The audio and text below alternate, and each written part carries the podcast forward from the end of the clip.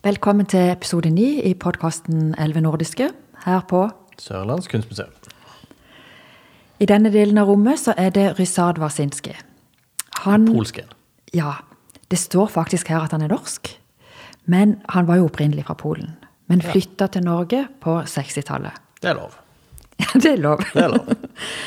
Han eh, hadde utdannelsen sin fra Warszawa, og ehm, det er jo på en måte litt kjent at det, kunstutdannelsen i Østblokkland, Ø- på den tida var ganske sånn konservative. Okay. I motsetning til det de begynte å bli liksom her. Var det Her i en det egen, egen kunstnerstil, eller på en måte en Ja, det kan du si. Og det var veldig prega av det at du skulle liksom kunne ditt fag på en måte. Eh, naturalistisk og anatomisk riktig og, og i den duren. ja, veldig strukturelt og veldig eh, klassisk? Ja, klassisk kan du si. Han levde fra 1937 til 1996. Ja. Og dette bildet vi står foran nå, det heter 'Sittende pave'. Ja, det, det kan man se. det kan du se. Litt rar pave, men eh, en pave kan du se at det er. Ja, Hva er det som gjør at dette er en pave? Eh, nei, det er jo kor, eh, hele drakta med det som ser ut som et kors på litt under halsen hans, og og pavehatten, eller hva, jeg vet ikke hva du kaller det. Ja, hva kalles det? Nei, det er i hvert fall en, en hatt. En pavehatt. En veldig høy hatt. En veldig høy hatt. Han, Ja. høy hatt. Han var høy i hatten. Men det, rammene gjør det veldig tydelig at dette er en pave. Mm. At han sitter er ikke så tydelig, men eh, det er greit å vite. Nei, for vi ser jo faktisk bare overkroppen, så det er jo ikke lett å si. Men det kan jo også henspille til at han var den paven som hadde posten i 1967. Ja, det kan jo dette, være, ja. mal, dette ble malt. Ja, det kan jo være. Men når du ser litt nærmere på dette maleriet, så er det jo ganske interessant. Ehm, For hva er det vi ser liksom foran øynene her? Det ser ut som nærmest et gitter. Ja, Spesielt der munnen bør være, eller nesa, ser det ut som et, et gitter. Ja, du ser liksom noen sånne ehm, Ja, det er liksom noen uh, gridmønster eller uh, Ja. netting eller Jeg syns spesielt rundt liksom munnen, nesa, så ser det, så ser det ut som et, et gitter, ja. Ja, ja. hva tror du han mener med det? Enten at de har, de har eller bør ha munnkurv.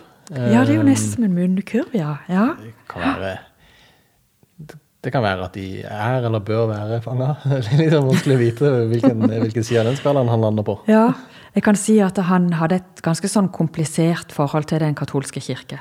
Riktig. Ja. Så det er ikke dette Så- positivt ment? Nei, jeg tror ikke det. Og hvis du begynner å se litt nærmere rundt øynene her, så ser det nesten ut som at det, det er noen som har klort. Eller andre syns det ser ut som at liksom malingen der har smelta og liksom renner nedover. Ja, ok. Så det er på en måte liksom Hvis du skal tolke det, da. Eh, akkurat som at synet hans sitt Han ser ikke bra. Nei. Nei. Ja, ok. Ja. Han har, eh, øynene har smelta litt. ja. At han er litt snever, kanskje. Litt sneversynt. Ja, litt sneversynt, rett og slett. Og en kan også ane at eh, Det ser en kanskje ikke med første øyekast, men under haka og oppå den pavelua, eller eh, hatten, så er det rissa inn eh, i malingen, sånn fordypning, er sånn et kryss. Ja. At det er sånn kryssa ut, på en måte. Ok. Og hva betyr det, da? Det stusser jeg på. At han er Nei, det er et godt, godt punkt. Eh, Altså, han skal krysse ut lua, er jo, er jo, et, poeng. Fjer, fjern hatten. Ja. Eller, men hvorfor de skal krysse ut halsen, det er jo et eh, La oss ikke spekulere i hvor, hvor dystert det kan være. Nei. Når vi snakker om dystre, dystre ting, så er det jo også noe å legge merke til i panna. For eh, der er det faktisk en ganske sånn markant eh, klump med maling som stikker ut midt i panna. Ja, et horn. Et slags horn, Ja, rett og slett. Ja, Så- jeg skjønner at han har et litt komplisert forhold til kirka. Ja, ja. Så eh, jeg syns virkelig at han får vist liksom eh, Sin mange motstand. Ja, sin motstand, altså med litt sånn subtile ting da, som en må kanskje se litt nærme på for å få med seg. Men han var jo eh, en maler som ofte ønska at maler, eh, maleriene hans sine skulle modne. Han satt jo ofte ut i, i kulda, i regn, i snø, for at de skulle liksom få en sånn patina. Eh, eller modne, som han kalte det da. Han var litt utålmodig. Ja, eller ikke utålmodig, men han var vel på jakt etter noe som på en måte hadde spor av noe Ekte. Ja, noe ekte. Noe naturlig, på en måte. Og sette ut i sola sånn òg, ja. Så det, Ja, sånn at det kanskje ble litt bleika. Og, ja. Men når vi ser rundt i rommet her, så ser vi også at han arbeider jo med mange forskjellige typer uttrykk. Her er det jo også grafikk, altså trykk, på den ene veggen. Han har et stort, eh, kjempestort maleri. Ja, det er svært. Ja, det er svært. Og det er utrolig sånn blikkfang når du kommer inn i rommet. Ja, det er jo rimelig spesielt.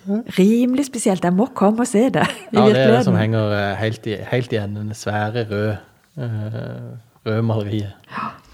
Han var en uhyre sånn eh, produktiv kunstner. Han malte 24-7, sier de. Og var veldig selvkritisk. Så det var bare en liten del av det han lagde, som han sparte på. Ehm,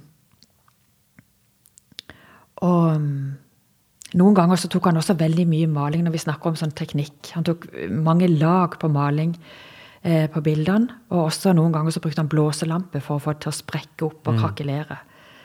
Og hvis du ser på dette bildet som henger ved siden av sittende pave, så har jo det samme form som en, en mann, hvor malingen, kroppen, er helt krakelert, altså sprukket opp. Så det kan jo være en sånn fin linje til denne eh, eh, paven med munnkurv og, og sløra blikk. Her er det en som er gått helt i oppløsning. Ja. Ja. ja, det kan jo være. Eh, men det er litt sånn kort om, om Wasinski. Kan jeg få lov til å si en ting til, som han uttalte, som jeg syns egentlig er litt fint? da. Han sa bildene mine er utfordrende. Jeg advarer svake mennesker mot dem. Enten knekker de deg, eller motsatt. Men jeg tror bildene som gir motstand, kan være åndelig oppbyggende.